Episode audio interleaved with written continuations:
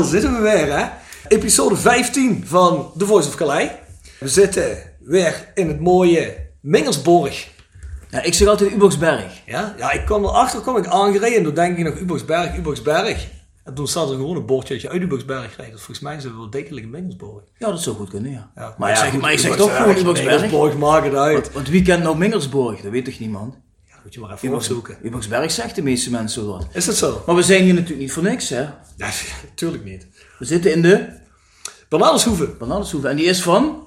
Vorige keer zei Marco van zijn vrouw. Dat moet hij Dus zeggen. eh, van de familie van Hoogdalen. We zitten bij Marco van Hoogdalen. Dus Ja. we hebben ook een gesprek nu met... Ja, ik vermoed met Marco van Hoogdalen. Dat zou niet per se hoeven, maar dat hebben we wel. We zijn toch goed op elkaar ingespeeld, hè. Ja, toch, hè. Ik geef een voorzetje en je Heel- hem gewoon binnen. Heel onverwachte dingen gebeuren. Wat een duo. Wat een Ja, wat een duo. Maar eh, voordat we weer beginnen, zou eh, de sponsoren even noemen. We hebben er weer een nieuwe bij deze week. Ja, de aanvragen komen naar binnen. Ja, dat is Dat fantastisch. is eh, gekke werk. Dat is echt gek. fantastisch. Maar ik moet wel nog één keer herhalen. Onze grootste droom, dat blijft toch wel een live uitzending vanuit Lemeers. Dat blijft echt eh, de droom van deze podcast. Vanuit uh, Bakkerdag. Ook. Ja, De zo kun je het omschrijven. Zo kun je, ik weet niet of jonge luisteraars... Volgens mij kunnen eh, we wel broodjes bakken. Maar ja, het is wachten op de persoon die opstaat om dat mogelijk te maken. Nou, ik heb vanmorgen nog een appje gehad van Mark Schaefer. Die zei, nou, ik ken daar wel wat mensen. Ja, ja. Ja, op wat voor manier weet ik niet. Mark Schaefer zijn wegen zijn ondergrondelijk, dus wie weet. Ja, Mark Schaefer is er misschien wel zijn bandje gaan trekken. Dus, maar als hij Nou, luister Mark. Ehm, wil je iets betekenen voor de fanzine van Roda en bijzondere The Voice of Calais? Make it happen. Regel het maar. Onze eerste sponsor, Bjorn. Even kijken. Ja, dat is natuurlijk next door Kapsalon Nagel en Beauty Salon aan de Locht 44A Ag en Kerkrade. Ja, daar hebben we nog iemand op de log zitten. Namelijk niet Rapi Automaterialen, maar Autodemontage. Hadden we dat de vorige keer verkeerd gezegd? Had ik de vorige keer fout gezegd. Dus ik zeg tegen Pascal, nou, dan maken we goed bij deze. Moet je dan nu ook wat terugbetalen? Ach, ben je gek. Hij een creditnota? Vermoedelijk. Ja, wie weet. Luistert ook Ja. naar de podcast? Ja, Pascal? luister zeker naar de podcast. Oh. Maar dat dan met die demontage, hij heeft vroeger goed geleerd, heeft een goede leerschool gehad op de Noordzijde. Dus het eerst wel hekken gesloopt, nu auto's. Dat kan niet wel. Dat kan niet Dat wel. kan niet. Nou, wie hebben we nog meer? We hebben natuurlijk Hotel Restaurant uh, Veilerhof. Die hebben we, en dan zitten we natuurlijk bij de Bernardeshoeve, zoals reeds genoemd. In het mooie Mingelsborg. Dan hebben we GSR Music. Die hebben deze week een giveaway.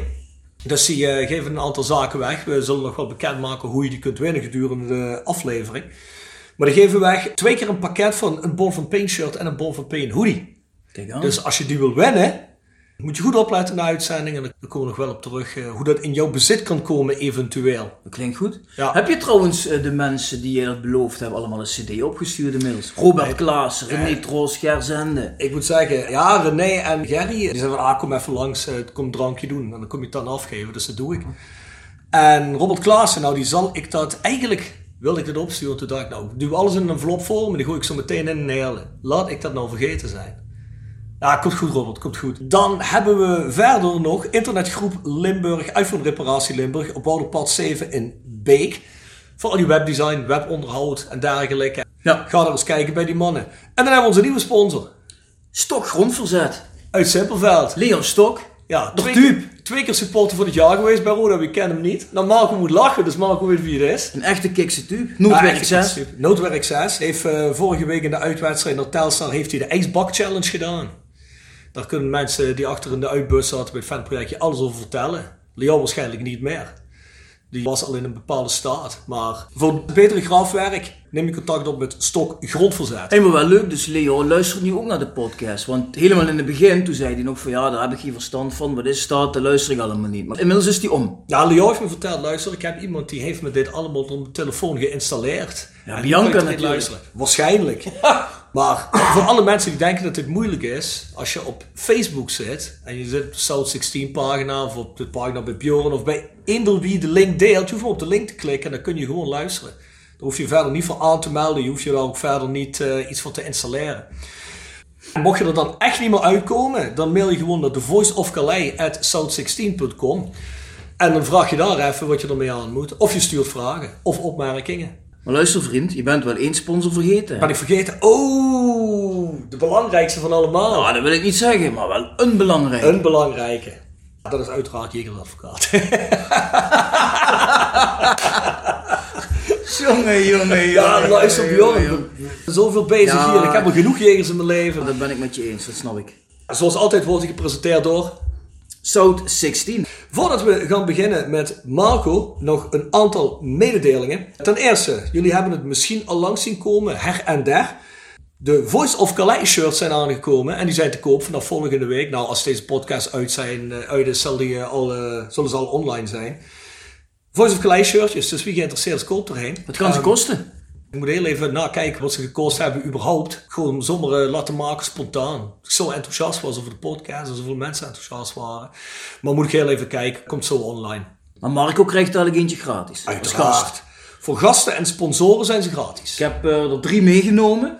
Ik heb een, een L, een XL en een XXL. Oh. Dus je moet dadelijk maar even passen. Rob zei nog, neem voor Marco een M mee. Ik zeg, nou nee, laten we maar een L eh, minimaal doen. Want een M lijkt me wel wat... vroeger, eh, vroeger was het inderdaad ML.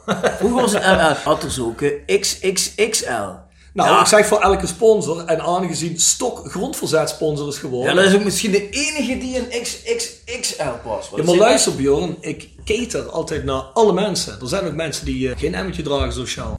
Nou, sterker nog, ik heb een S'je gedragen. Heb je een S'je gedragen? Passen dat? Ja, ja, ja, ja. ja. Nou, dan gaan we hè, van de zwaargewichten bij Stok grondverzet tot de lichtgewichten bij Jegers Advocaten. Dankjewel. We hebben alles in de hele range. Ik beschouw het als compliment. Ja, nee, dat moet je ook. Verder, de laatste mededeling voordat we beginnen is 25 oktober. En dit is de laatste podcast die uitgezonden zal worden voor de 25 oktober. Hebben wij de afterparty in de schacht met Demisec, gepresenteerd door South 16. Ehm, dus we halen Demisec naar de schacht. Oftewel de kick-off, dat is de bar in de Westerbühne voor de mensen die dat misschien niet weten. Wanneer neem je eigenlijk je vriendin mee? Je komt altijd alleen. Als we hier gaan zitten in de, in de Veilerhof of eh, de Bernardeshoeve, zal ze best mee willen. Maar zo gauw dat eh, stadion wordt, ja, dan gaat ze wel eens mee een biertje te drinken. En ze ook een paar keer mee geweest naar andere zaken. Een keertje avondje mee naar Apollo en dat soort zaken. Ja, toch? Ik krijg nou Ja. de indruk dat je daar een beetje achter houdt. Nee, helemaal niet. Ja, alleen voor jou. Ik heb verhalen voor jou gehoord, dus dat doen we wel liever niet. Dit gaat al richting smade last. Noodwerk 6. Maar ja, van een kale kip kun je toch niet plukken. Ja, ja, zo is het, zo is het. Nou, Onze gast, onze gast. Marco van Hoogdalen. Prima kerel. Ik ken hem natuurlijk, want hij zit in het platform. Ja. IC. Dus daar maak ik hem altijd van dichtbij mee. Ja, misschien één dingetje, wat jij nog niet weet, Rob. Nou. Maar wij hebben, voordat we de themalijst gaan bespreken met Marco, maar wij hebben afgelopen donderdag hebben we een dik half uur gesproken met Ronald Hogenels. Beoogd nieuw eigenaar van Rode IC. Ja. Ja, ik vond hem wel een sympathieke vent. Wat vond jij ervan, Marco? Ja, zeker weten. Ik denk, eh, de man zelf, als je hem zou zien, dan zou je niet zeggen van eh, dat is diegene die, eh, die Roda eventjes gaat overnemen. Dat is een hele, hele normale vent. Eh, een sweatertje aan, oude spijkerbroek aan. Sneakertjes. Ja, dus eh, nee. eh, Iemand van ons. Ja, zo ongeveer. Ja. En eh, zo wil hij ook eh, volgens mij zijn. Hij wil er niet boven staan of wat dan ook. Hij wil er echt, eh, echt wel tussen gaan staan. Ah, mooi. Ja. Wars, Wars van Capsones. Gewoon een, eh, een vriendelijk, eh, toffe vent. Ja, Nou goed, dus we dat, moeten... klinkt- dat klinkt in het begin in ieder geval goed. Ja goed, die klik moet er natuurlijk wel zijn. En, Ja. en, en die was er wel. Dus ja, laten we hopen dat dat eh, rond gaat komen in de komende dagen. Misschien tegen de tijd dat deze podcast verschijnt. Ja, dan is het of rond, of niet. Of het is een boete. Ja, nou goed. Ja, we zijn dan niet failliet, hè? heel even voor duidelijkheid. Dan krijg je van de KNVB een boete omdat we de datum overschreden hebben. Wanneer is dat? 28 oktober? Nou, je zou weer minpunten kunnen krijgen bijvoorbeeld. Ook dat nog. Waarschijnlijk boete en minpunten of een van beide. Ik weet niet precies hoe het zit. Maar je bent in ieder geval niet failliet. Er schijnen ook nog een paar mensen te denken dat het een eindstation is. Maar dat is natuurlijk niet zo. nee, goed, maar kijk, er komen dan natuurlijk wel rekeningen binnen. Als die niet betaald kunnen worden, ja, dan zou iemand het faillissement kunnen aanvragen. Dus dat risico sluimert natuurlijk toch wel altijd op de achtergrond. Ja, goed, oké. Maar in ieder geval niet van de KNVB uit dat de KNVB zegt, nou jongens, dit is afgelopen uit. Nou, krijg je wel een nieuwe termijn. Krijg je eerst misschien puntenmindering en Ja. dan weer een aantal weken. Ja, dat is een verhaal wat Twente ook heeft gehad een aantal jaar geleden. Hè? Dus- maar ja, laten we het niet zo spannend maken. Dus laten we hopen dat Roland de zaken met Roda rond kan maken. En dan eh, kunnen we ons die stress besparen. zou goed zijn. Genoeg stress gehad. Marco, Ja. we hebben uiteraard weer geresearched. Zoals we dat bij elke speler doen. Al eh, was het bij jou niet zo heel moeilijk om een aantal feitelijkheden op te duiken. Je bent begonnen bij eh, SVW. Of eh, volgens mij heette het vroeger SV Gorinchem. Nee, SVW. SVW ook. Nou, ben je begonnen, hè? amateurcarrière. Je overgestapt naar RKC van 89 tot 93. Rode van 93 tot 96. En toen meegegaan met Hugo, of niet? Ja, dat was eigenlijk eh, heel komisch. Huub was rond naar Schalke, ik wist dat niet. En ik was rond naar Schalke en Huub wist dat niet. Dus was heel Oh, leuk. was dat toevallig? Ah, ik dacht misschien, want dat was ook een volgende vraag, heel erg, maar dat hebben we die al gecoverd. Eh, dus zo ben je eigenlijk bij Schalke teruggekomen. Ik ben na, die, eh, na die wedstrijd eh, toen Schalke, of Roda Schalke, Die UEFA Cup ja, wedstrijd. de, die twee uur 's middags in het uh, of, Karl Heide gespeeld Ja, werd. dat ging helemaal nergens over. Nee. Was voor de Duitse tv was het toen. Hè? Ja, maar wel volle bak. Dat Ja, wel ja, mooi. nee, dat klopt. nee, en toen ben ik de, de dag later ben ik gebeld door de manager van Schalke. Rudy Assauer. Ja, Ah, daar gaan we het ook nog over hebben, over Rudy Assauer. ja, dat is een mooie vent. Ja, ja dat, dat geloof ik je 100%. Ah, ik dacht dat jij door eh Huub meegenomen was eigenlijk. Dat Huub zei, nou, ik weet nog wel, weet nog wel verdedigen, laat die maar lekker meekomen. Nou, de contacten met Schalke waren al voordat eh Huub denk ik eh, ook daar was. Dus, Dus Huub was prettig verrast, hoop ik. Ja, prettig verrast en vol vertrouwen misschien. Ja, nee, ja, zeker. Dat. Maar je hebt ook wel eens dat er een speler verschijnt en de manager zegt van, eh, eh, wat moet ik hier mee, weet je wel. Maar in jouw geval denk ik niet dat het zo geweest is. Nee. Nou, Schalke van 96 tot 2006 denk ik, officieel misschien. 2005. 2005, oké. Tussendoor een Roda terug uitgeleden in 2004. Ook nog een aantal wedstrijden gespeeld. Weet jij hoeveel wedstrijden je in totaal gespeeld hebt? Eh, Voor iedereen samen. Alles samen. Oeh. Rond getal. Ja, ik, eh, ik dacht dat ik hier bijna 300 zou zitten. Op. 300. Dat zit toch wel een Flink ernaast. Ja? Gewoon meer. Ja, heb je Oké. er, eh, heb Ja, een paar... al Toto's en eh, die wedstrijden Ja, ook. dat zit er allemaal bij, dat zit er allemaal bij. Oh, Oh, daar heb ik alleen maar gespeeld bij RKC en zo. ja, dat klopt. Ik, ik kwam heel veel Intertoto tegen bij RKC. Wel mooie wedstrijden, of mooie teams er tegen spelen, zag ik toen. Ja. Eh, echt leuke dingen. 18, 1860 München. Ja. En wat zat er nog meer tussen? Deense tegenstanders. eh, ja, dat Volgens mij eh, ehm, ook, was het Stoke City of Leeds of Wolverhampton of zoiets. Ja, Leeds dacht ik. Ja, Dat, eh, sowieso. ja leuke clubs. Heb je dat allemaal weer uitgezocht, Rob? Ik heb alles uitgezocht. Je hebt zeer van tijd volgens mij. Vriend, Wat dan een moet- leven heeft. Er moet één iemand hier iets doen voor die podcast. Ja, dat is ook zo. Ja, Respect. luister. Ja, nee, maar zo is het. 400 wedstrijden. 400 wedstrijden. Jullie zijn echt goed op elkaar. Zijn het begint- het begint langzamerhand begint het een beetje suspensevol te worden hoe goed we zijn gespeeld. Of een vriendin hoort me een voice message inspreken en zegt ze, ben je weer met je nieuwe vriendje aan het spreken. Oh Dus jee, eh, wel gevaarlijk hè? dat gebeurt vaak. Ja, dus, dus, het is onder ironie. Maar, maar we hebben redelijk veel communicatie over de podcast. Denk maar dat moet heb je, anders Denk, is het niet zo goed. denk toch dat ik eens met je vriendin moet praten. Hoe heet ze eigenlijk? Naomi, hè? Naomi. Ja, Dat is een leuke naam. dat is zeker een leuke naam. Maar zeg je ook Naomi, want ze is Canadees. Of zeg je Naomi. Naomi. Zeg je dat ook? Naomi. Ja, ja, ja, ik, ja kruising. Nou, ik spreek het op zijn kerkraad, zou je. Hey Naomi, kom eens. hey. Naomi. Oké, nou goed. Weet je hoeveel goals je hebt gemaakt in je carrière? Goh, jullie vragen me wel. Als ik dat even geweten dat jullie dat allemaal gingen Ja, opzoeken. hallo. Nou ja, hallo, Nee. heb je al eens een podcast geluisterd, Marco? Nou, Oei. ik, ik denk dat het een eh, stuk of 40, 50 geweest zijn. Nou, nu zit je te veel. 28. Ja, ja. Dan Maar heb ik liever te veel geschat. Als, Maar wel een hele mooie zag ik, die wist ik helemaal niet. Dat je veel gespeeld had en een aantal gootjes meegepikt had, dat wist ik wel. Maar dat je twee keer uitgeroepen bent tot beste verdediger van de Bundesliga. Dat wist ik niet. ja. Nou, dat is toch een heel mooi compliment, want de Bundesliga staat ook best wel bekend om zijn goede verdedigers. ja, nou, dat was volgens mij 2001 en 2002. Nou, Dan heb ik eh, mijn beste jaar eigenlijk daar eh, beleefd. Ja. Ja. Twee seizoenen achter elkaar was. Ja. Dan Netjes. heb ik eh, de meeste luchtduels gewonnen, de meeste eh, gewone duels. Eh verhältnis. Zweikampverhältnis, ja. Daar zat ik eh, boven de 70, 75 procent. Dus dat is eh, hoog. ja, dat was ook een topjaar eh, van, eh, van de hele club ook natuurlijk. Dus eh, ja, was alleen maar goed, maar een mooi eh, die tijd. ja. Ja, je hebt wel eens vaak ook tegen mij gezegd dat bij alle clubs waar je gezeten hebt, heb je eigenlijk de beste periode van die clubs beleefd. Ja, ja RKC ben ik gekomen. Toen zijn we zesde van, eh, van de Eredivisie geworden. Ja, met, het, eh, met het stadion wat er toen was, de fietsenstalling. De fietsenstalling, ja. Dus eh, ja, we hadden ook een hele mooie, leuke groep met, eh, met een Hoekstra erbij, hè, een Bogus, Dusje Ver kwam later ook nog. Ja, klopt, ja. Dus en, ja, dat ging hartstikke goed en we werden zesde. Nou, bij Roda, je kent het verhaal, we werden tweede, de beker gewonnen. En ja, dat, overal waar ik eigenlijk geweest ben, bij Schalke vier minuten kampioen. Eh, en, eh, en de UEFA Cup natuurlijk en twee Ja. keer de beker. Dus eh, ja, Ik denk dat jij- dat jij misschien een van de meest gedecoreerde Roda-spelers bent door de jaren heen. Van mensen die bij Roda gespeeld heeft. Ja, kijk, de meesten je, hebben, minder, de meesten hebben minder geluk gehad met de overstap naar een topclub te gaan.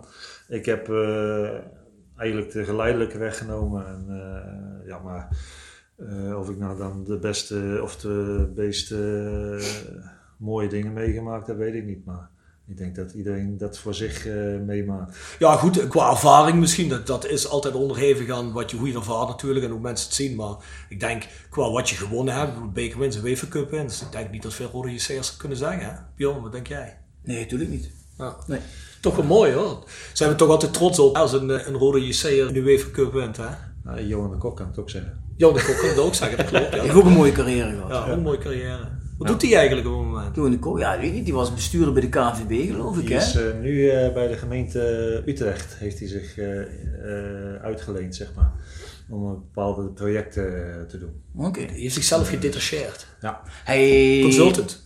hij wordt wel eens genoemd als eh, kandidaat AD bij Rode, hè? Die naam komt altijd wel weer boven zingen. Zou hij dat willen, denk je?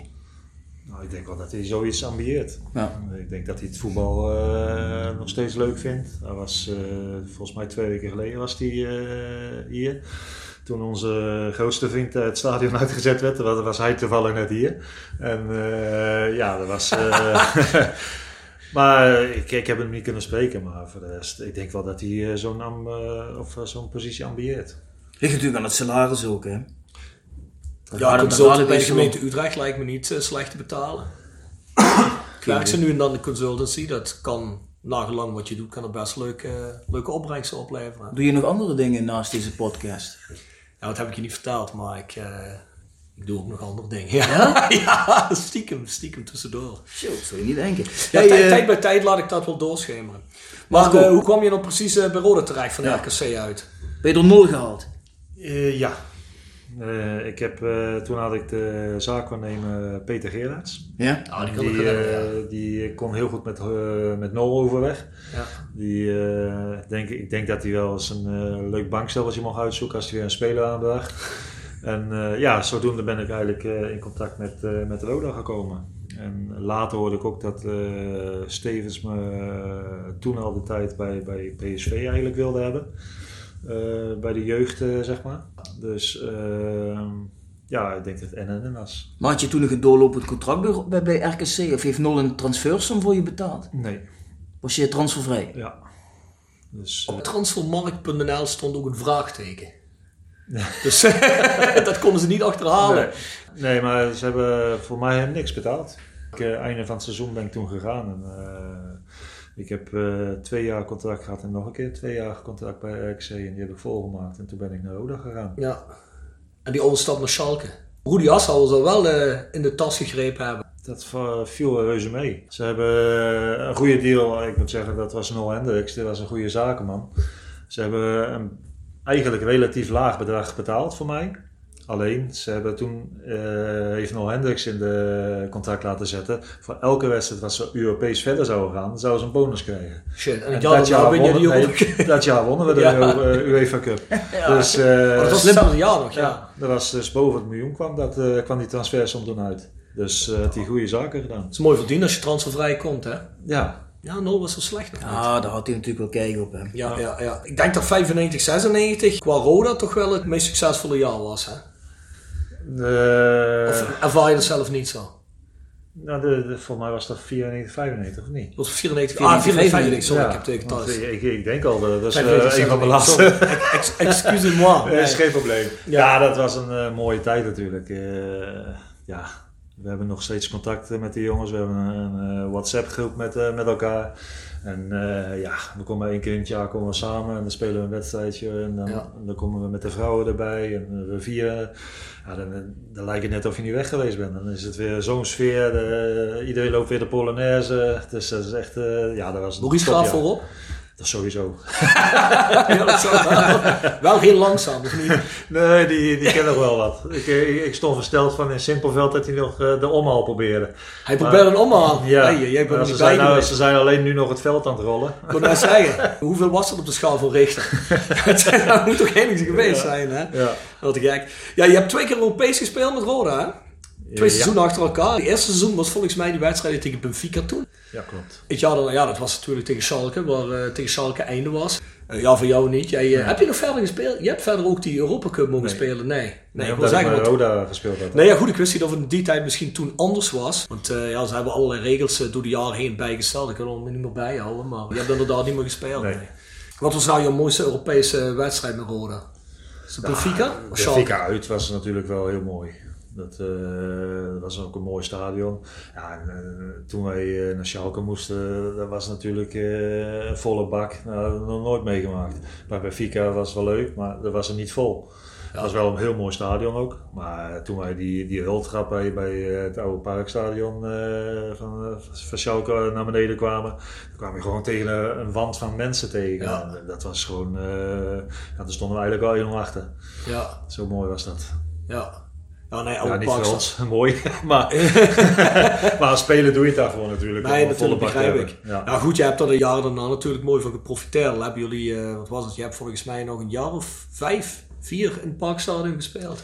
ja, 2000 zijn ze overgegaan. Was het niet 2001? Ja, 2000, 2001. eh, Dat Ja, is 2000, 2001 hè. Dus eigenlijk eh, die wedstrijd, het, eh, de beroemde wedstrijd, was de laatste wedstrijd in het Parkstadion toch, of niet? Eh, Dat was eind 2001 toch? Ja, de, tegen Unterhaching.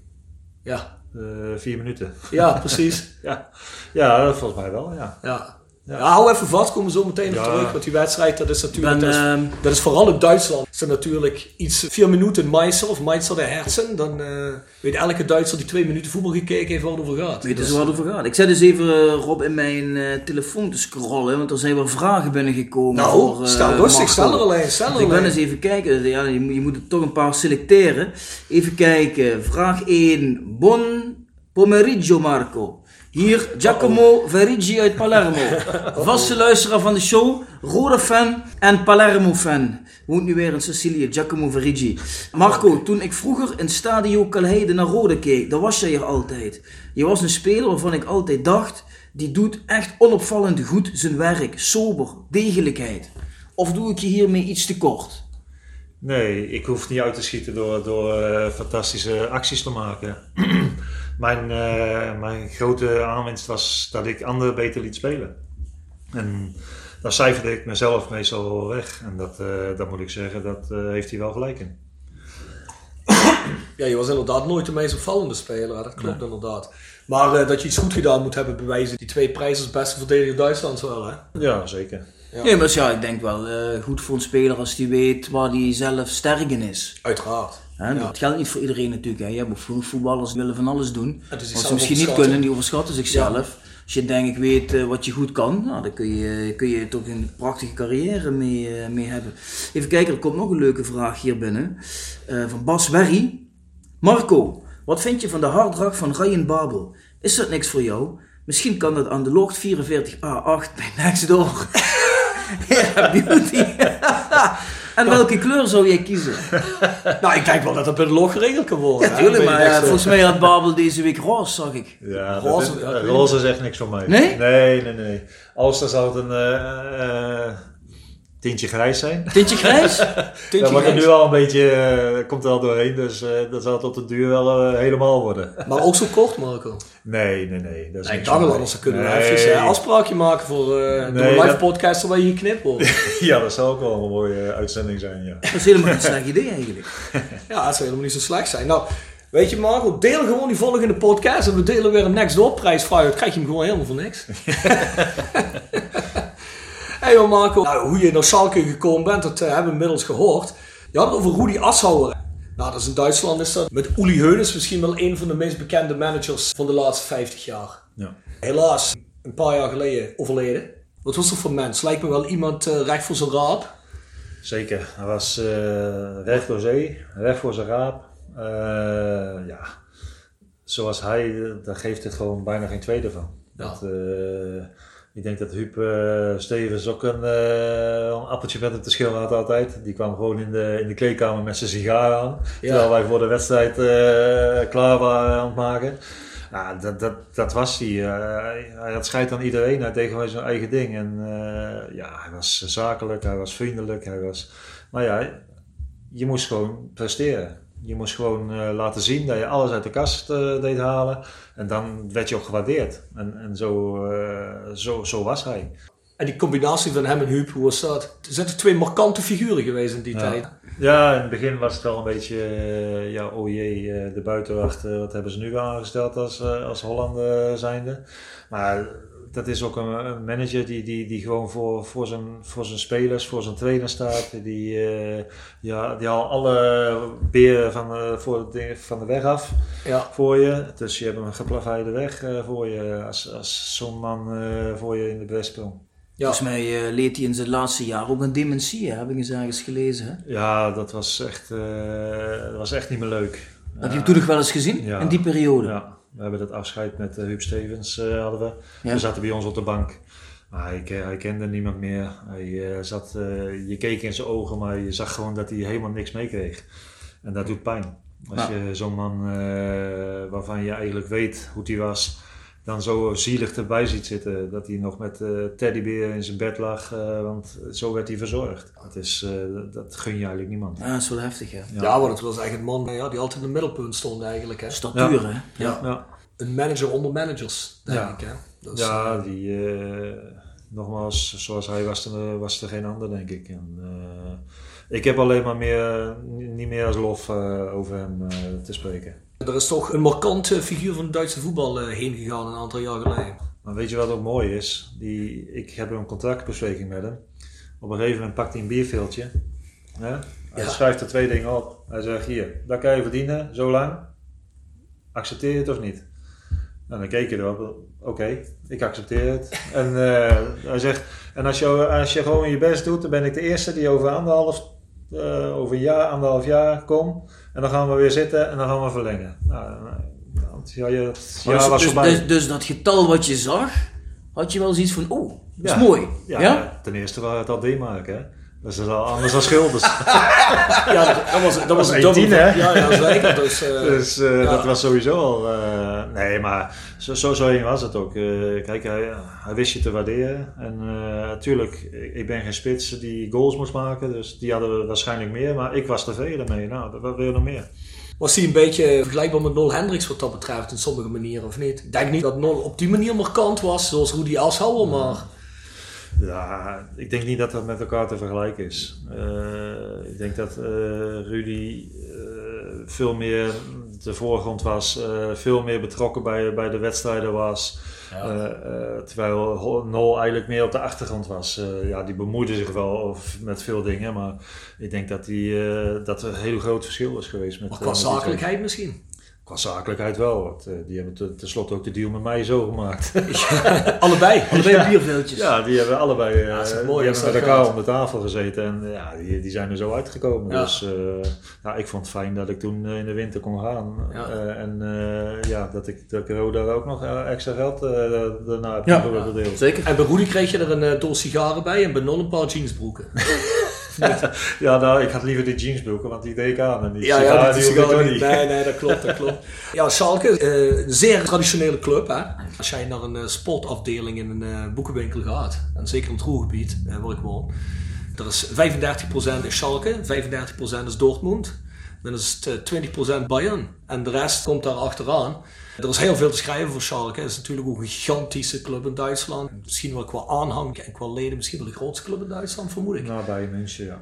Ja, we rijden wel eens rond met die band hè. En dan kom je bij Kassel op een gegeven moment, dat is de brug, en dan kijken ze op dal en dan is er gewoon een heel dak, helemaal met Schalke logo geverfd. Heb je dat eens gezien? Ja, ik, ik ben, eh, wat dat betreft, wij moesten altijd eh, de kerstvieringen doen bij de fanclubs door Ja. het hele land heen. Als je pech had, dan moest je naar München met vliegtuig hè, of met de auto. Ja. En als je geluk had, dan kon je in Gelsenkirchen of in eh, Ja. Mechelen, net over de grens in België.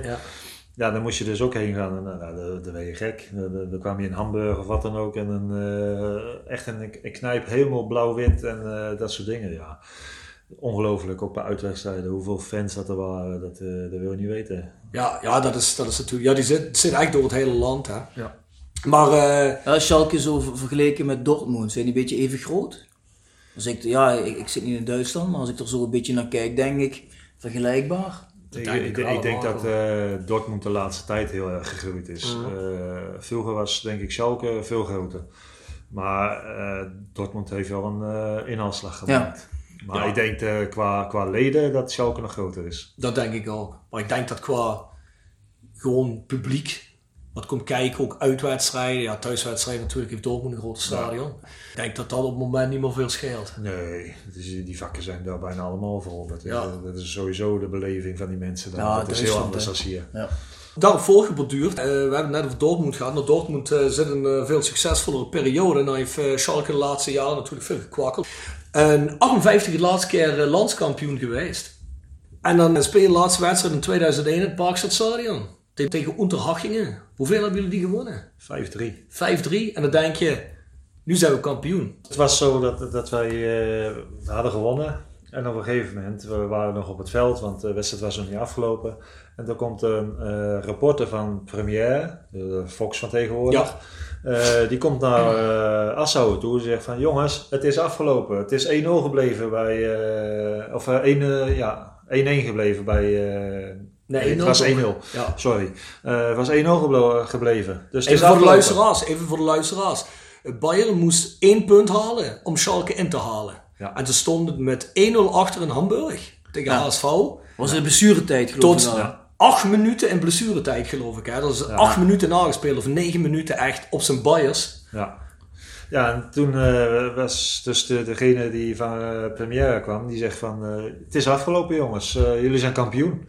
Dus ja, dan krijg je dus een euforie. Eh, iedereen aan het juichen, eh, iedereen kwam het veld op. eh, het hele stadion wordt gek. ja, Ja. ja. wij ook al aan het vieren. Op een gegeven moment zijn we dan naar boven gegaan, omdat we eventjes even de, de rust teruggetrokken. En we komen boven en we zien die wedstrijd op, op, het, op het beeldscherm. Die nog bezig was. Dat hij nog bezig was. En dan zie je die vrije trap. Dan zagen we die vrije trap en dachten van, nou, dat is een herhaling, die is naast. Ja, zo, zo denk je nog, hè. Die, die gaat naast, dus... en dan zie je die bal erin gaan en dan denk je van, wat is dit? Nou, eh, dat is een gevoel eh, van, van hier tot eh, onder de grond ongeveer gelijk. Ja. In, in nog geen eh 10 seconden. Nee, er zijn ook een heleboel deuren zijn er gesneuveld in de kleedkamer. Dat geloof ik. Ja, dat, is, ja, dat was niet te beschrijven. Dat Ja. je daar voor een achtbaan terecht kwam. Sportman is dat natuurlijk bizar om dat mee te maken. Wie schoot die vrije trap van ook alweer? Ik heb, die, ik, heb die- Andersen. Ja. ik heb dat laatst een die documentaire nog. die keeper was ook heel bizar slecht. Ja, weet, weet je wie dat was? Dat was de reservekeeper van Schalke. Die was uitgeleend naar Hamburg. Wat is met die jongen gebeurd naar de hand? Die, is nou, die zit nou nog wel bij de club. En eh die zal- natuurlijk, eh, die dit in de expres. Die zal nooit meer, nee, maar die zal nooit meer gelukkig zijn geworden. Zijn leven, weet, je wat het is? Het was een terugspeelbal. Nou, 9 van de 10 scheidsrechters die floten daar Ja, niet voor. Ja. En hij floot daarvoor. Dus ja, dat zijn allemaal dingen die opgestapeld waren. En, eh, complottheorieën van links naar rechts. Ja, dat krijg je. En, eh, Hoe lang heb je daar nog last van gehad van dat moment? Eigenlijk niet heel lang. Want we hadden, een week later hadden we een bekerfinale. Dus dat was ene keer wel goed ook. Nou, dat is misschien maar beter dan Ja, achteraf Want gezien. als je dat seizoen eh, zo moet sluiten en dan neem je het mee de vakantie in. En dan denk je alleen maar aan dat. En nu had je gelukkig eh, een bekerfinale die we wonnen. Dus daar was je in ieder geval... eh, Een prijs. Een, eh, een prijs had je gewonnen. En dan had je toch een beter gevoel waar je het mee af deed sluiten als eh, dat je dat niet had. Maar heeft dat nog nagegalmd in de club? Ja, dat heeft Ik bedoel, het galmt tot vandaag de dag nog na. ja. ik heb dat op de sportshow heb ik dat toen gekeken, volgens mij. En dat was heel bizar. Dat was echt heel bizar, vooral het publiek ook. Het publiek werd helemaal gek. Ja. Ja, dat Ik wil niet is- weten wat er in het stadion allemaal gesloopt is. Nee, dat wil ik ook niet meer. dus eh, zelfs als je er nu over praat, krijg je nog gewoon rillingen Ja. ervan. Dat, dat, dat, dat je dat eh, zo eh, meegemaakt hebt, zo, van zo dichtbij. En dat, ja, dat, dat vreugde en verdriet zo, zo snel eh, achter elkaar volgden, dat, is- dat is niet normaal. Ja, niet normaal. Is die verslaggever van Première wel nog het stadion uitgekomen? Ik, eh, ik heb geen idee, er is niks meer van hem vernomen. Of heeft is waarschijnlijk ergens in de catacombe de Rudy Assauer weggewerkt, vermoed ik. Jongen, Eh, jongen, jongen, ja, ja, ja. ja, niet normaal man. Echt niet normaal. Nee. Even voorbeduren nog op Schalke. Eh, dat is toch een groot gedeelte van je carrière geweest. Ik denk ook, eh, zoals je zegt, waarschijnlijk je beste jaren ook, denk ik. Nou, De rivierderby. De derby tegen Dortmund. Hoe vergelijk je dat met MVV Roda? Dat is ten eerste natuurlijk tig keer groter, maar eh, qua sentimenten. Ja, sentimenten kan je er wel vergelijken, denk ik. Ik denk dat, eh, dat elke fan eh, van Roda ook wil winnen van, van eh, dat volk uit onder de Maas staat. Ja. Dus dat is hetzelfde. Dat is bij Schalke, Dortmund, eigenlijk eh, niet anders. Ja. Maar het, het is wat je zegt, het is wat groter, het, le- het leeft wat meer onder de fans. Eh, kijk, voor een laatste training tegen, als je tegen Dortmund moest, stonden er gewoon 10.000 mensen bij het trainings, eh, trainingsveld. Ja, als je dat bij Roda zou doen, dan moet het hele stadion eigenlijk vol zitten. Nou, dat Ja. is het eigenlijk nooit geweest toen. Maar dat neemt niet weg dat het, dat het niet leeft. Ja, de, de, de, de support die je kreeg van de supporters eh, voor de wedstrijd, eh dat gaf je gewoon eh, zoveel adrenaline om mee te nemen in de wedstrijd. Ja, ik, ik, ik moet zeggen, ik heb volgens mij als speler heb ik maar heel weinig derby's verloren bij, bij Schalke tegen Dortmund. Dus eh, ik heb nog een aardig uh, moyen. om het Ja, joh, dat was ook voor die tijd dat eigenlijk Dortmund weer die hele push kreeg. Was eigenlijk Schalke altijd het grotere team en het meest succesvollere team wat dat betrof. De sfeer op stadion Kalheide was eigenlijk ook best wel goed altijd, hè? Ja, die vond ik beter als wat het nu in het uh, Parkstad Limburg uh, stadion. Maar dat is eigenlijk inherent uh, aan, aan uh, als je van het ene stadion naar een ander stadion moet. Uh, je deed alles eigenlijk op Kalheide, je trainde daar, je, je, speelde je wedstrijden, je was veel meer betrokken bij het stadion. Ja. En dan ga je naar PLS toe. Nou ja, in het begin trainde je daar niet. Ja, dan trainde je op Kalheide of je trainde ergens anders. En dan ga je alleen de, de zaterdag of de zondag, als je moest spelen, was je op het stadion. Dan heb je een hele andere binding aan spelen zijn ja. met, met, met zo'n stadion. Mm -hmm. En ik denk ook dat dat uh, wel een paar procent scheelt in, in de prestaties. Maar ook sowieso, hè, want het, PLS is natuurlijk een prachtig stadion qua uiterlijk. En, en op Kalheide had je die Sintelbaan en die, die stenen trappen, maar het had echt iets. Hè. Ja. Als er de regen op stond, volgens mij niemand uit het land kwam graag naar Kalheide toe. Denk ook niet. De wind waaide van over het kerkhof dan op bent, dus uh, dat was niet altijd best, nee, als bezoekend team. Ja, maar dat had... Uh, Zo, ik zou nog wel eens een wedstrijdje willen meepikken. Ja. Ja, ja, het zal niet meer hetzelfde zijn, hè, zonder noodtribune. Het ziet er gewoon niet meer hetzelfde uit. Hoor. Maar denk je niet ook dat het een beetje erin ligt, omdat jij natuurlijk bij Roda begonnen bent en dan naar die uitleenperiode in PLS hebt gespeeld, dat je, ik vergelijk dat altijd met, als je een band hebt hè, waarmee je een beetje bent opgegroeid, waar je in geluisterd hebt, heb je jeugdsentiment, daar heb je bepaalde herinneringen aan, bepaalde vibes zit eromheen. En dan kan zo'n band nog zo'n goede cd uitbrengen als een nieuwe cd. Dat wordt toch nooit meer helemaal hetzelfde als die cd waarmee je toen een beetje verliefd op die band bent geworden. Want ik heb ook wel wedstrijden gezien in het PLS, waarvan ik dacht van, uh, nou, de sfeer is echt super, super. Maar ik heb dat ook met Kalheide natuurlijk. Ik heb ook van, ja, het wordt niet meer zoals op Kalheide. Ja. Maar ik denk dat dat ook een beetje is, denk je niet? Ja, zeker. Kijk, uh, je, hebt, je hebt een ander verwachtingspunt had je. Mm. Uh, en daarom wil je, denk je van, oké, okay, in een nieuw stadion moet dat maar gelijk te staan. Mm. Maar dat, dat, kan niet. Nee, dat kan uh, niet. je moet daar ook weer een, een weg in zoeken. dus dat, ja, en het vervolg is natuurlijk van, van vandaag en zo dat dat, dat heel anders is geworden, helaas. Hey Marco, misschien even een bruggetje naar een ander onderwerp. Want er is een, ook een vraag over binnengekomen. Toevallig weer van onze goede vriend Bas Werry. Marco, Drie jaar geleden, meen ik dat het was, interviewde ik je voor de Koempel. Je vertelde vrij emotioneel dat je ieder moment gebeld kon worden voor een operatie die jouw leven weer aangenaam zou kunnen maken. Hoe gaat het nu met je? Ja, dat we is, komen dadelijk even op het einde van je carrière en... Ja, nee, het gaat uh, eigenlijk uh, hartstikke goed. Uh, het is bijna vier jaar geleden nu dat ik inderdaad geopereerd ben. En uh, ja, sindsdien is de, is de wereld weer open gegaan voor me. Ik, uh, ik zag het echt daarvoor, zag ik het echt niet meer zitten. Uh, ik werd langzaam vergiftigd van binnen. Mm. En, ze, ze dachten aan vruchtdementie en alle oorzaken van dien. Maar dat is gelukkig allemaal door de operatie van een nieuwe leven is dat, is dat weer goed gekomen, ja.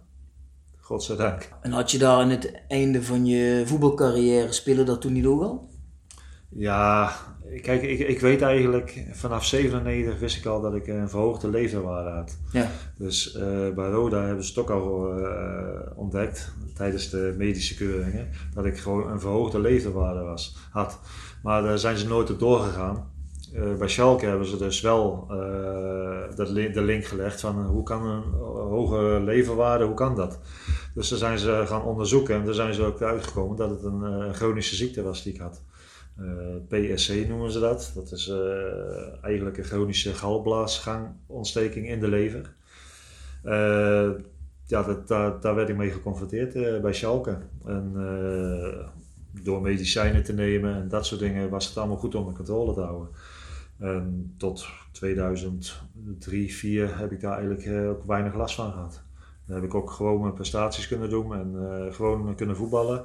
Maar daarna is het eigenlijk eh, verslechterd en eh, niet meer goed gekomen, om het zo te zeggen. Wa- Was dat ook een van de redenen dat je in 2004 weer uitgeleend werd door Schalke aan Roda? Nou, dat had eigenlijk een andere oorzaken. Ik had last van mijn heup eh, toen de tijd. Maar ik, ik vond mezelf nog goed genoeg om te kunnen spelen. Eh dan ben ik vier maanden ben ik in Amsterdam geweest om nog één keer vol proberen ja, weer terug te komen. Had ik betere waarden als, als van toen ik nog fit was. Eh, qua sprongkracht, qua, qua alles eigenlijk. Ja, en toen ben ik, eh, kon ik niet meer aansluiten bij, bij, het, eh, bij het eerste van Schalke. En toen gaven ze de mogelijkheid van, nou, wil je naar een andere club uitkijken? Want ik kon ook wel in tweede gaan spelen bij Schalke, maar ja, daar had ik zoiets van, hm, weet ik niet of ik dat wil. Ik wil toch wel proberen op dat niveau weer terug te komen. En toen diende zich de kans aan dat Roda interesse had. Eh, mijn vrouw heeft het eerlijk gezegd afgeraden. Eh, want ja, je ziet eigenlijk het voorbeeld van Roel Brouwers. Eh, je hebt zoveel gepresteerd bij Schalke. Dus je kan eigenlijk alleen maar verliezen. Ja. Want ze verwachten gewoon enorm veel van je. En terecht, want als je op niveau gespeeld hebt, dan moet je dat ook kunnen laten zien. Dus die raadden dat me eigenlijk af. Maar ik had zoiets van, nee, mijn kinderen moeten hier naar school. Eh, ik vind het goed. Eh, dan kan ik hier, eh, mijn huis heb ik hier. En dan ga ik hier lekker trainen. Dan heb ik weer plezier. En dan kan ik weer alles doen. Ja. Alleen, eh, ja, eigenlijk is alles anders geworden. Dat half jaar was niet wat, wat ik ervan verwacht heb, wat Roda ervan verwacht had. Eh, dus dan is het, eh, na het half jaar was het eh, einde oefening daar. Eh, en terecht, eh, laten we eerlijk zijn. En toen ben ik eh, weer terug naar Schalke gegaan. Om toch nog die zomerstop eh, te gebruiken. eh, of ja, de zomerstop te gebruiken om nog één keer nog, toch nog tegen beter weten en misschien eh, alles eruit te halen. En ja, het gevolg is dat ik de dag dat we op trainingskamp gingen, de bus instap. En vervolgens komt de dokter naar binnen en die zegt, Marco, kom jij eens even mee? En ik zeg, ja, natuurlijk, kom maar, zeg maar. Ja, je mag niet mee, want je mag niet meer voetballen. Eh, je leven, je, je mild is te groot. Het risico is te groot dat, eh, dat eh, als er een bal tegenaan komt, dat je dood kan bloeden.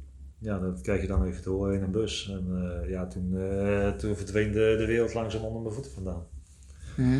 En ja, dat was een behoorlijk eh, zwarte tijd voor me. Wat heb je toen gedaan? Want je, wa- je was het er niet mee eens geloof Nee, ik. Hè? nee. Ten eerste een professor die zo in de openheid geschreeuwd had van luister, de medespelers moeten uitkijken met hem, eh, dat hij mee, als hij meetraint, dat, eh, dat ze hem uh, aanhaken of wat dan ook.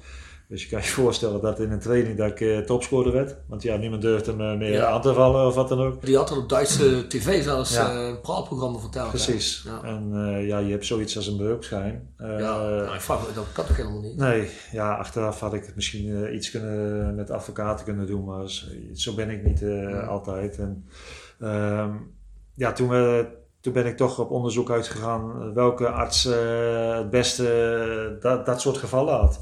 Toen ben ik in München uitgekomen. Daar zat een, een professor Geuken.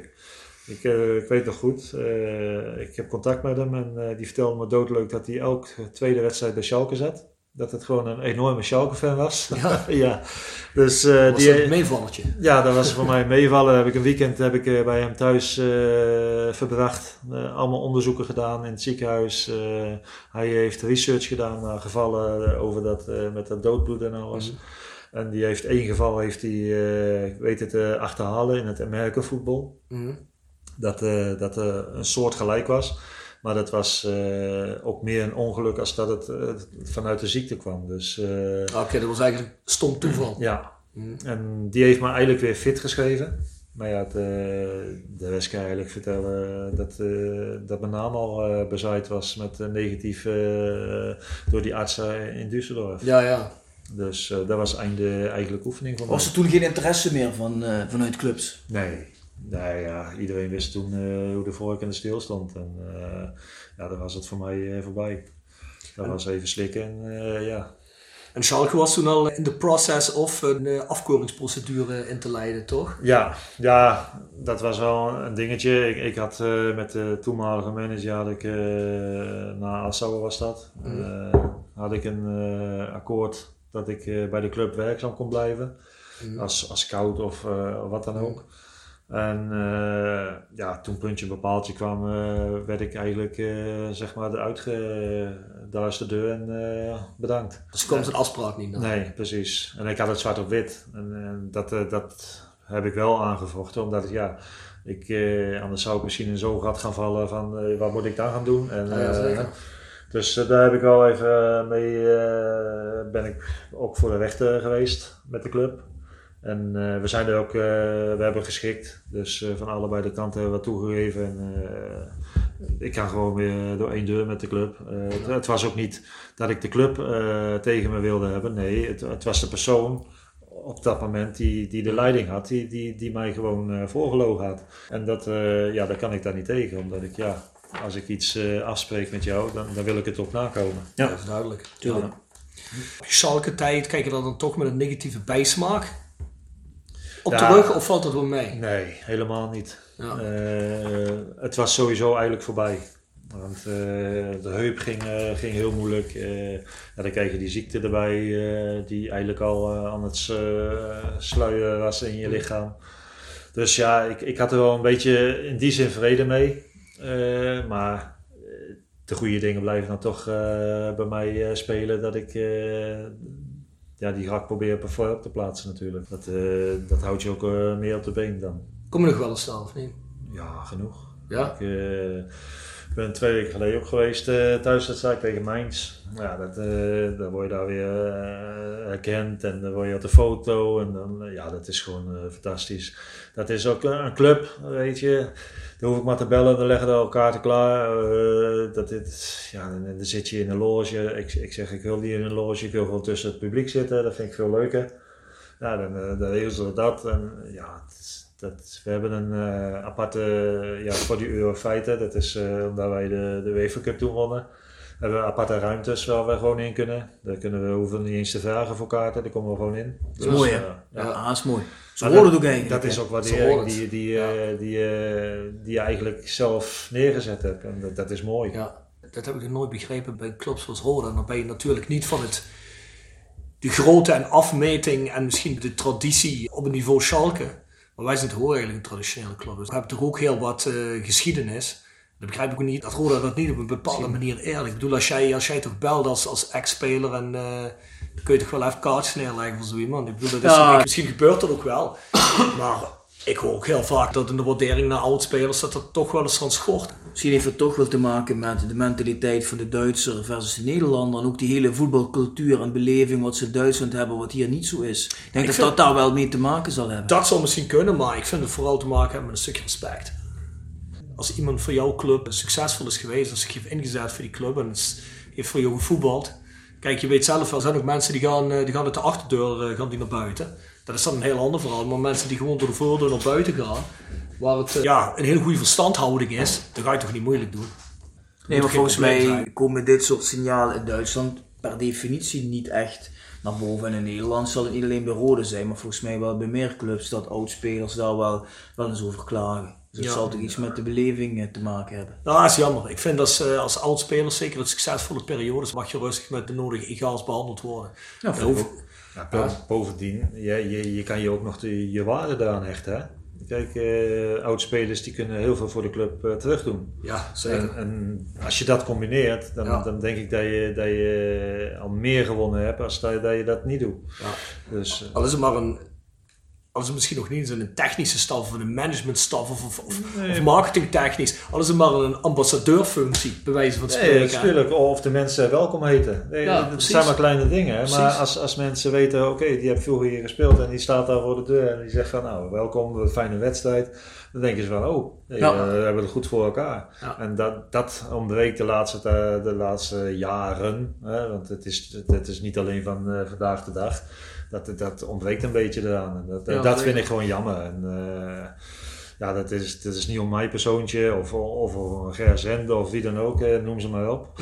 Ja, dat, dat is, ik denk dat, dat eh, die tendens leeft eh, in het algemeen, denk ik. Eh, en dat is wat Bjorn net ook zegt, dat is niet alleen bij Roda. Ja, ja, Hoe is je, hoe is je contact nu met Huub Stevens? Ja, goed.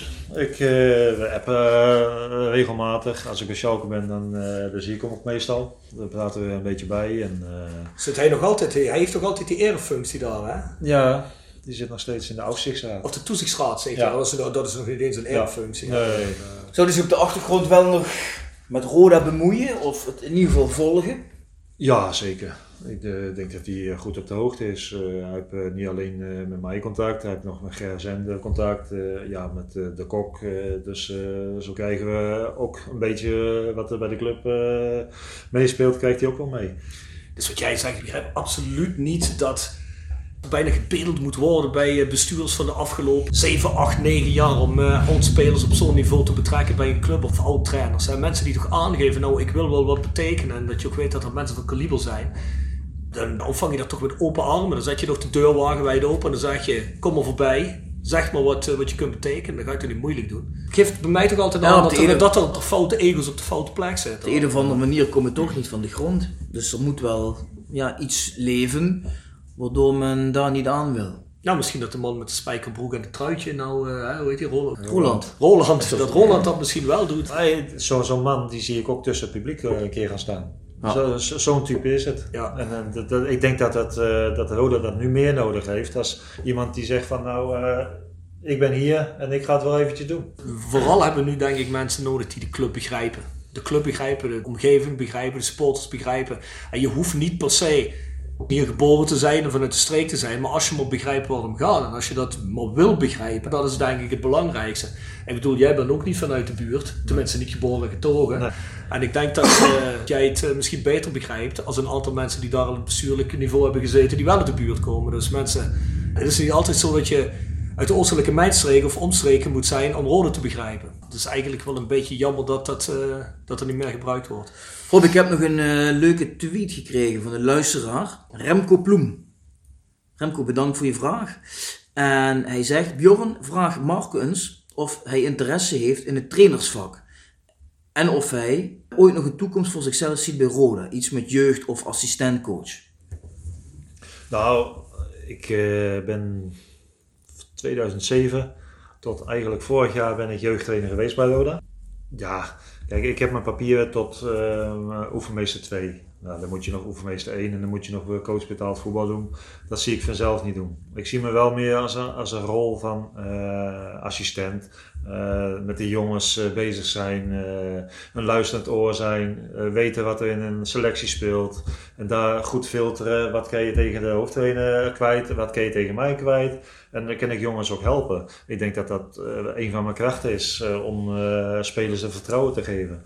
En dat, dat, eh, zoiets eh, zou ik wel eh, mooi vinden om, om te doen. Maar ja, tegenwoordig gaat en staat alles met diploma's, papieren. En ja, ik ga er nou geen tijd meer in stoppen, ook met de gezondheid, om nog twee cursussen te moeten doen. Dat, dat is ook al te lang geleden, denk ik.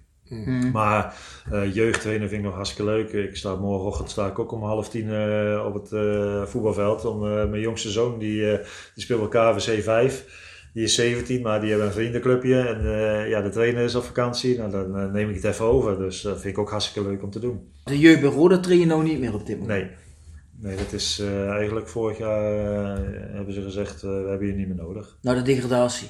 Ja. Ja. Ah, jammer. Ja. Is het jammer dat je moest ophouden? Of had je zoiets van, ah, ik heb het nou ook wel even gehad? Nee, ja, ik vind, natuurlijk vind ik het jammer. Ik, ik vond het, eh, ik had de jongens van eh, de onder 19. Nou, daar, daar, ken, daar ken je wel mee. Je moet me niet voor een groep van, van 8, 9 jaar zetten. Nee, je moet mij lekker van 17 tot 19 jaar zetten. Daar kun je ervaring op kwijt. Daar kun je, daar kun je één op één kun je mee, eh, goed mee praten. En ja, die, die, die kun je gewoon eh, dingen leren. En eh, ja, dat vind ik tuurlijk vind ik dat zonde. Ja, het zou niet slecht zijn om zelfs de centrale verdediging van het eerste bureau daar een beetje te kunnen coachen misschien, hè, met al je kennis. En dat begrijp ik ook wel, Roel Brouwers daar ook Ja. bij betrokken is, hè, maar Je hebt ook een aardig niveautje gespeeld. Hè? dat denk ik ook, hè, joh. Ja. Van een aardig niveautje gespeeld, ja. ja, ja, ja. Ah, jullie allebei. Dus eh, dan heb je toch zo'n kennis heb je met oudspelers voor het oprapen.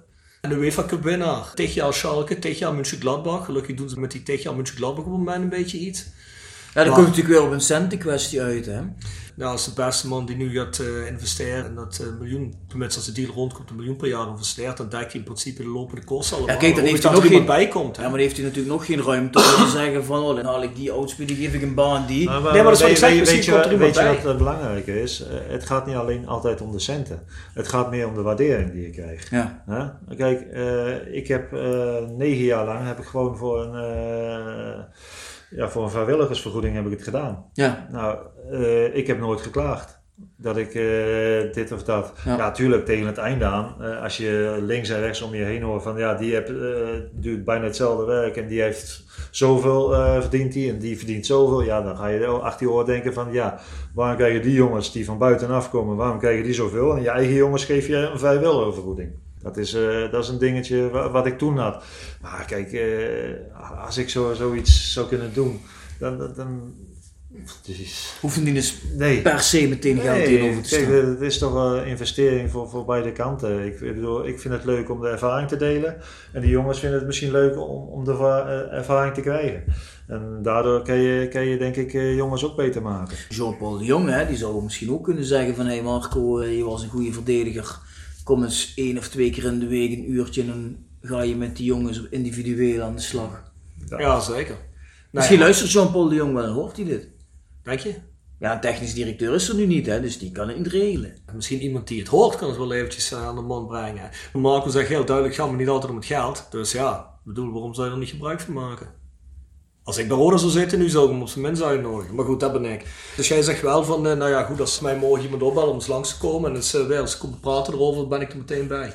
Ja, nee, kijk, eh, ik steek mijn eh, ambities ook niet onder stoelen of banken. Ik vind het altijd leuk om met, eh, met jonge jongens te werken. Eh, ja, en, als je zo'n kans krijgt en eh, je kan bij zo'n organisatie komen, dan, dan is het toch mooi. Ja, ja zeker. Nou, de mensen die luisteren, het aanbod staat in ieder geval, hè. Ja. Je hebt je laatste wedstrijd eigenlijk gespeeld, of tenminste officiële wedstrijd tegen, ironischerwijze tegen RKC in het PLS. Waar eigenlijk de profcarrière begonnen is eh, met die clubs is die eigenlijk ook opgehouden. Ik heb een heel stuk gelezen dat je natuurlijk een stuk lang moeilijk hebt gevonden omdat dat je geen echt afscheid hebt gehad. Dan gaat Huub gaat zijn afscheid, eh, krijgt hij bij Schalke. Dat is een officieel afscheid. Dan ga je meespelen. Ja, en dan zeg jij, nou dat was voor mij eigenlijk ook een, eh, een afsluiting. Ja. Vertel eens. Ja, ik, eh, toen, eh, toen Huub zijn afscheid eh, bekend maakte dat hij een wedstrijd wilde doen, toen heeft hij mij gevraagd van, ken je, ken je nog voetballen? Ik zei, nou Huub, eh, als we eerlijk zijn, eh, ik weet het niet. Maar aangezien ik zelf nooit afscheid heb kunnen nemen van het voetbal en daardoor best wel eh, moeite heb gehad, eh, ga ik er alles voor doen om, al is het maar een minuut in het veld te staan. Maar hij belde jou. Ja, Oh, netjes. ja, en eh, daar heb ik ook gezegd gelijk van, eh, ik ga er alles op alles eh, ga ik ervoor doen om weer fit te worden. Ik ben weer als een gek bij de fysio geweest. Ik heb alles ervoor gedaan. Ik heb bloed, zweet en tranen gelaten. Maar uiteindelijk heb ik volgens mij meer dan 10 minuten op het veld gestaan. En En, volgens mij las ik 20 minuten, hè? Ja, En hoe was dat? ja dat is, dan heb je een gevoel, dat je ziet... Volle Velddienst Arena. Ja, die was bijna vol eh, Ja. met het afscheid. En, eh, ten eerste kwam je al, eh, de- door de Noordkurve kwamen we naar beneden. Dus eh werden Oh, door we de aangekondigd. Ja, de, de- door de fans. Speler, per speler. Ja, Oh, netjes. om en om. En ja, dat, dat was dan natuurlijk een belevenis. En dan ga je, eh, begin je op de bank natuurlijk. Eh, ja, Ger was er ook bij, Ger Zende. En eh Dirk Jan Derksen toen, die was erbij. Oh, die speelde ook. Ja, Ander team, denk ik. ja de Ja. tegenstander Jij speelde met. Schalke mee, Ja. denk ik, ja.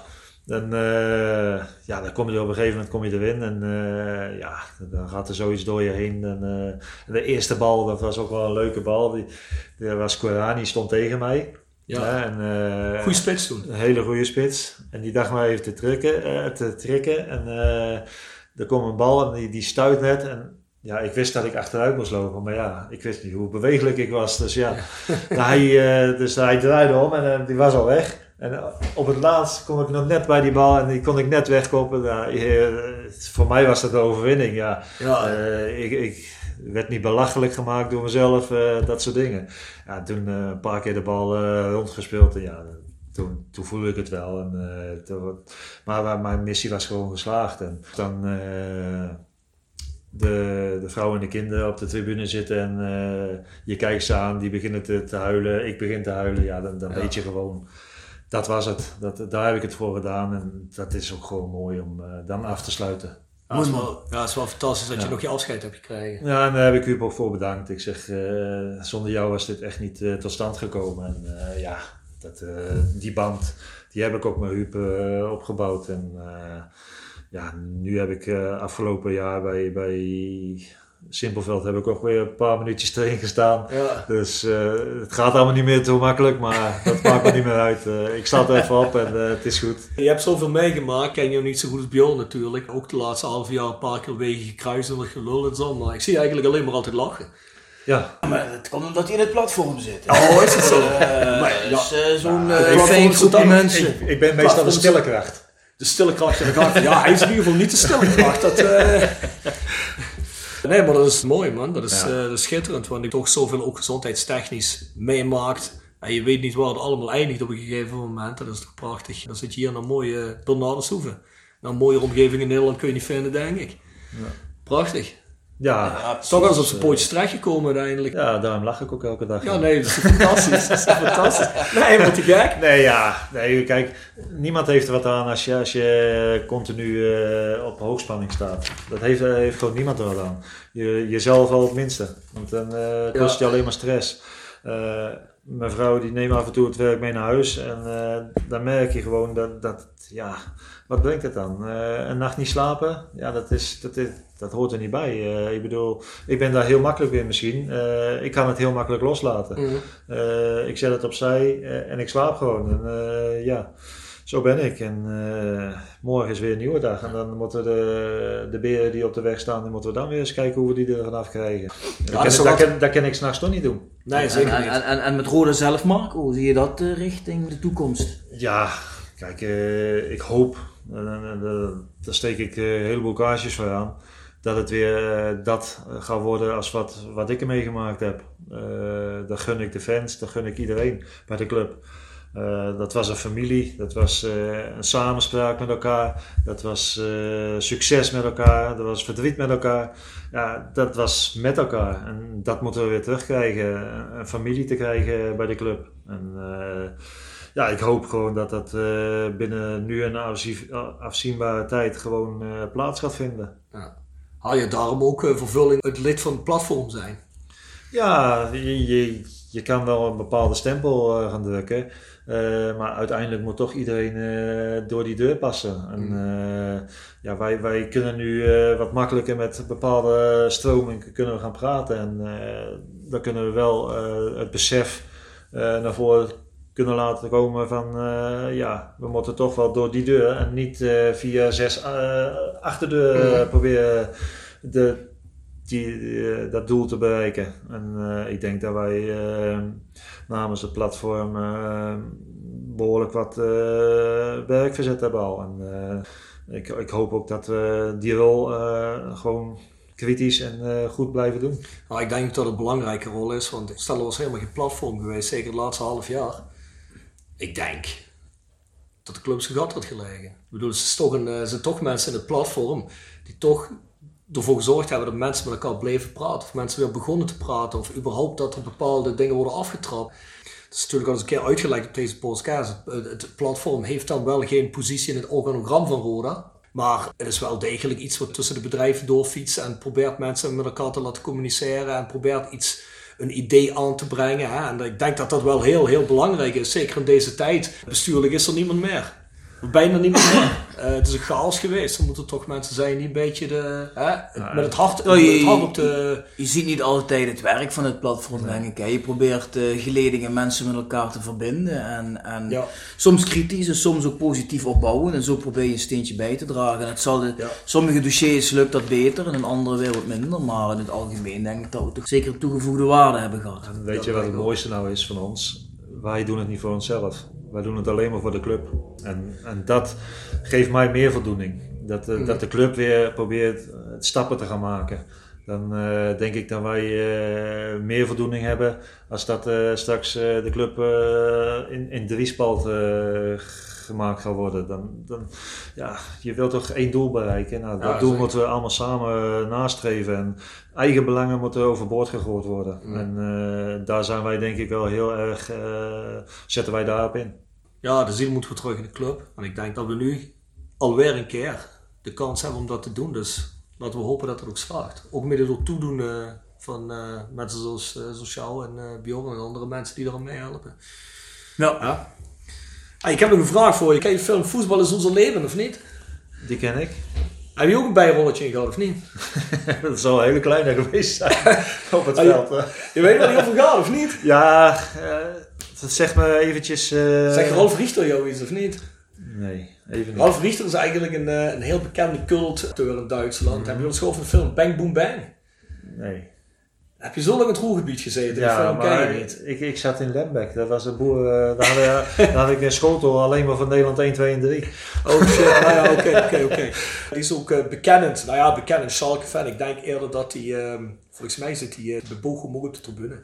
Die heeft een film gemaakt, nog een andere cultacteur in Duitsland. Die gaat eigenlijk over dat er een, eh, een buitenlandse speler van Schalke gekidnapt wordt. En hun gaan hem proberen terug te krijgen. Dat is ook een beetje een cultfilm is in Duitsland. Maar daar hebben Huub Stevens en Rudy Assauer hebben er namelijk ook een gastrolletje in. En een aantal spelers Het zijn allemaal kleine gastrolletjes, weet je wel. Maar dat maakt die film wel, eh, wel grappig. Dus ik denk dat ik toch eens Marco vragen of die daar ook voor gevraagd is. Want die komen die tijd een beetje uit dat jij er gespeeld Ja, hebt. ja, ik ken het wel, maar de, volgens mij stonden we wel met elkaar op het, eh, op het trainingsveld toen. Toen, eh, toen zo'n acteur eh, zijn- Schalke pakje aankwam en die kwam voetballen op Schalke en die werd dan eh gekidnapt. Eh, dat dat was is- volgens mij zo'n kleine Italiaan of wat dan ook. eh. Ja, precies. Die ja. Ozio volgens mij. Ja. Die werd gekidnapt. Precies. Dus ik, ik weet het nog wel eh, dat dat toen speelde. Maar Ja. dat was, de gastveld zal dan eh, beperkt zijn gebleven tot het trainingsveld. Daar we misschien Waarschijnlijk. eh, rondgelopen zijn. Waarschijnlijk. Ik had geen tekst, dus dan moet de film goed zijn. Ja, moeten we toch een keer, als, als Huub hier ooit verschijnt, wil ik toch even weten of die tekst al in die film. Dat kan Huub zich waarschijnlijk wel herinneren, ik. Hè? Ongetwijfeld. Wat denk je? Denk je dat Huub wel zou willen verschijnen hier? Waarom niet? Of wij bij hem? Waarom niet? Ah. Ik denk dat... eh, eh, volgens mij, eh, Bjorn die, eh, die kan via mij eh, zijn nummer krijgen. Maar daar heeft hij volgens mij ook al. Eh, dus eh we kunnen hem gewoon uitnodigen. En het is gaan we gewoon een keer doen, eh, iemand die eh, daarvoor open staat, denk ik. Dat gaan we een keer Dat zou mooi zijn. Gaan we zeker doen. Gaan we zeker Gaan we doen. proberen. Dat is toch een van de grootste culttrainers in onze geschiedenis. Zonder hè? meer. Ja, Bjorn. Heb jij nog vragen aan Marco? Nee, kijk even naar de tijd. We zijn al een uur en een kwartier bezig. Maar ik denk dat we nog wel met Marco nog een uur zouden kunnen kletsen. Ja, dat Dus zeker. ik denk dat voor hem geldt, wat ook voor een René en een Ger geldt, van laten we later in het seizoen het misschien nog eens een keer overdoen. En dan pikken we nog wat onderwerpen uit, Ja. die we dan eh, specifiek willen inzoomen. Want hij heeft natuurlijk wel een, een mooi verhaal, hè? Ja, het is, dit zijn eigenlijk alleen maar allemaal eh, de toppen van de ijsbergen waar we nu aan getipt hebben. Ja, Het is wel iemand met een lange mooie carrière, dus er zitten vast wel een paar goede verhalen bij. misschien als we Weet je wat die- wij de volgende keer gaan doen? We gaan de volgende keer, hè, want dat merk je als je die boys hier hebt. Zo gauw je die knop hier uitzet, dat er beter verhalen uitkomen als dat je hem aanzet. Dus de volgende keer doe ik net of ik hem aanzet. En dan stellen we vragen. En als ik het dan uitzet, we praten nog een kwartier, drie kwartier, een half uurtje daarna, dan zet ik hem aan. Wat zeg je daarvan, Bjorn? Ik denk dat dan eh, het aantal luisteraars helemaal de hoogte inschiet. Dat denk ik ook. Dat denk ik ook. Hij zei wel laatst tegen me van, ja, kijk eens of je zo'n uitzending in Lemiers kunt regelen, daar wil ik ook mee. Ja? Zei hij wel tegen me. Oh ja, dat is Marco van Hart eh, wel. Ja, ik bedoel, de sponsors moet je allemaal afgaan. En dat is toch wel mooi als je een nieuwe sponsor krijgt daar. Dat Kijk, toch Is dat niet ver van hier geloof ik? Nee, hè? dat Kijk, en wat, Roda, wat Roda niet doet, doen wij wel. Wij nemen gewoon iemand mee die gelouterd is. Een gezicht dat mensen kennen in de regio. En dan zeggen we, nou, Mark van Hoogdaal, komt mee. Die hebben we mee als, eh, als niet- ambassadeur van de Voice of Calais. Maar dan moeten er niet te veel gasten zijn. Misschien zeggen ze nou wel, misschien zeggen ze wel, misschien zeggen oh hallo meneer Van Hoogdal, fijn dat u weer hier bent. Eh, de normale, de, De normale behandeling. Ja? normale behandeling of... eh, Laten we nog een rondje sponsoren doen, eh Rondje korte afsluiting. rondje sponsoren. Nextdoor Kapsalon Nagel en Beauty Salon Log 44A8 in Kerkrade. Ja, Jegers Advocaten. Hart voor weinig, nooit chagrijnig. Hotel, restaurant Veilerhof. En natuurlijk de Bernardus Hoeve in Mingelsborg. Mingelsborg. Mingelsborg. Dan hebben we de internetgroep Limburg. Die doen ook iPhone reparatie Limburg. Uit Beek. Webdesign. Ga erheen. Rapi Demontage. Demontage. Pascal van Piek demonteert voor je. Lof Vooral 70 auto's. kerkraden. Ja. Dan hebben we Stok Grondverzet. Dat is onze nieuwste sponsor. Voor eh, het betere graafwerk. Het doen trouwens ook snoeiwerk en tuinwerk, heb ik gezien. Even een keer mijn eh, achtertuin eh, afgegraven. Afgegraven. Ja, Zal wel iets mee gebeuren of is hij nog altijd Nee, afgegraven? nee, nee, nee, dat heeft hij perfect gedaan. Ja, wat heb je? Zwembadje liggen? Nee, gewoon grasmat. Vind ik wel teleurstellend. Ik dacht toch wel dat je van het advocaatsalaris een... eh Nee, dat valt vies tegen. te vies Het is niet voor niks hard voor, hard voor weinig, nooit chagrijnig. Er zit het woord weinig in. Trouwens, ik heb laatst een discussie gehad. Waar is dat hard nou voor? Hard voor weinig? Is het ha- hard voor weinig? Of... Je werkt hard voor weinig geld, maar je bent nooit chagrijnig. Ik dacht dat dat misschien... Ik dacht dat dat, misschien werkt werd. voor weinig. Ik weet het niet, weet je wel. eh. Oh zo, ja, dat is een hele ruime interpretatie. Nou, valt ook op te lossen bij die sponsor. Dan hebben we als laatste hebben we GSR Music. En vergeet niet, hè, we hebben een giveaway. Ja, leg het nog eens uit. Ik ben het bijna vergeten. Wat was het ook alweer? Twee eh, pakketjes Bon Pain hoodie en Bon Pain shirt geeft eh, Theo weg. Als de luisteraars. Ja, potverdomme, daar heb ik even niet opgelet, want daar wil ik eigenlijk iets mee gaan doen. En dan denk ik, we hebben nu elke uitzending wel iets gehad waar we niet opkwamen. Maar volgens mij is het deze uitzending niet geweest, hè? Nou, volgens mij eh, moesten de luisteraars iets doen of opletten. En dan konden ze dat winnen. Dus een vraag is. Ze moeten sowieso even deze uitzending delen. Ja, En ze moeten sowieso heel eventjes South 16 Instagram of Facebook like of volgen. Hè, dat lijkt me een goeie. Dat moeten ze sowieso doen. En voor deze eerste pikken we er gewoon twee mensen uit. Kijk. Dat doen we objectief. Dan laten we gewoon de volgende keer als we de Bernardus hoeven zijn, maken we van Hoogdalen een prijswinnaar trekken. Dan maken we een videootje van. Dan weten we tenminste 100% zeker dat we niet gesjoemeld hebben. En voor de volgende, want Theo heeft gezegd er komt ook nog een Mad Ball Windbreaker giveaway iets later in het jaar. Zo. Daar bouwen we iets in de podcast in. Kijk, nou, zeg je daarvan? dus op dit moment delen en liken. Delen en liken. Voor een van Pain hoodie en een van Pain shirt, keer twee. Dus dat betekent twee mensen winnen dat. Mooi. Mooier kunnen we het niet maken. Mooier kunnen we niet maken. Hey, als jullie nog eh, iets mede te delen hebben, south16 at, uh, at south16.com. En vergeet de afterparty niet op 25. Heel belangrijk. Oktober. 5 euro. 5 euro wedstrijd, ja. Neem je ouders, je grootouders, je zus, je, je weet ik veel, neem je hond mee. Neem alles mee. Kom jij even kijken op Demi zeggen of niet? Ja, wie weet. Ik denk, eh, ik ben toch in het stadion, dus... eh, Zeg, kom even lekker langs. ja, Dus je ziet, één oud-speler komt al. Ik heb ook begrepen dat... Komt eh, Naomi ook? Ja, die zal ik proberen te overtuigen, ja. Ja, die vindt normaal Demi wel leuk. Ze begrijpt er geen hol van. Maar ik denk dat hij dat wel leuk vindt. Als er een, eh, iets bij gedronken kan worden, is hij al tevreden. Mooi. Nou, als, we nou, benieuwd. als, als we nou afspreken dat, dat gewoon alle fans, dat, dat we alle tribune weer eens een keer vol hebben. Ja. Ja, man. Ja? En dan we dan een, eh, een gigantische party daarna hebben. Marco, ik denk dat dat onder een goed gezelte staat. Want ik, ik zie toch wel veel reacties zo eh, op Facebook langskomen en op Twitter en op Instagram. Dat mensen zeggen, ah leuk, kom, we gaan nog een keertje. Dus je hebt sowieso meer mensen als normaal. En ik heb ook begrepen, en dat vind ik ook goed, dat de selectie naar de afterparty komt. Nou, dat Dus- zou wel mooi zijn. Dat vind ik ook goed van die jongens. Hè? Dus mensen, kijk, iedereen komt. Marco van Hoogdalen is er. Bjorn Jegers is er. Rob Fransen is er. Ja, Naomi is er. Naomi is er. De selectie De is er. selectie is er. Ja. Willen we nog meer, jongens? Jean-Paul de Jong, die gaan we laten proberen Pakstad-posie mee te zingen. Wat denk je daarvan? Kan hij alvast oefenen, maar een kwartier. Krijgen we Jean-Paul zover, denk je? Jawel. Jawel.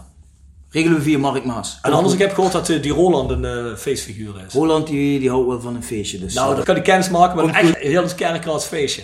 goed Als ik dat niet over de streep trek, weet ik het ook niet meer. Nou mensen, dat was hem voor deze week. Bjorn, Bedankt voor het luisteren. bedankt voor het luisteren. En Bedankt tot Marco. ziens. Graag gedaan.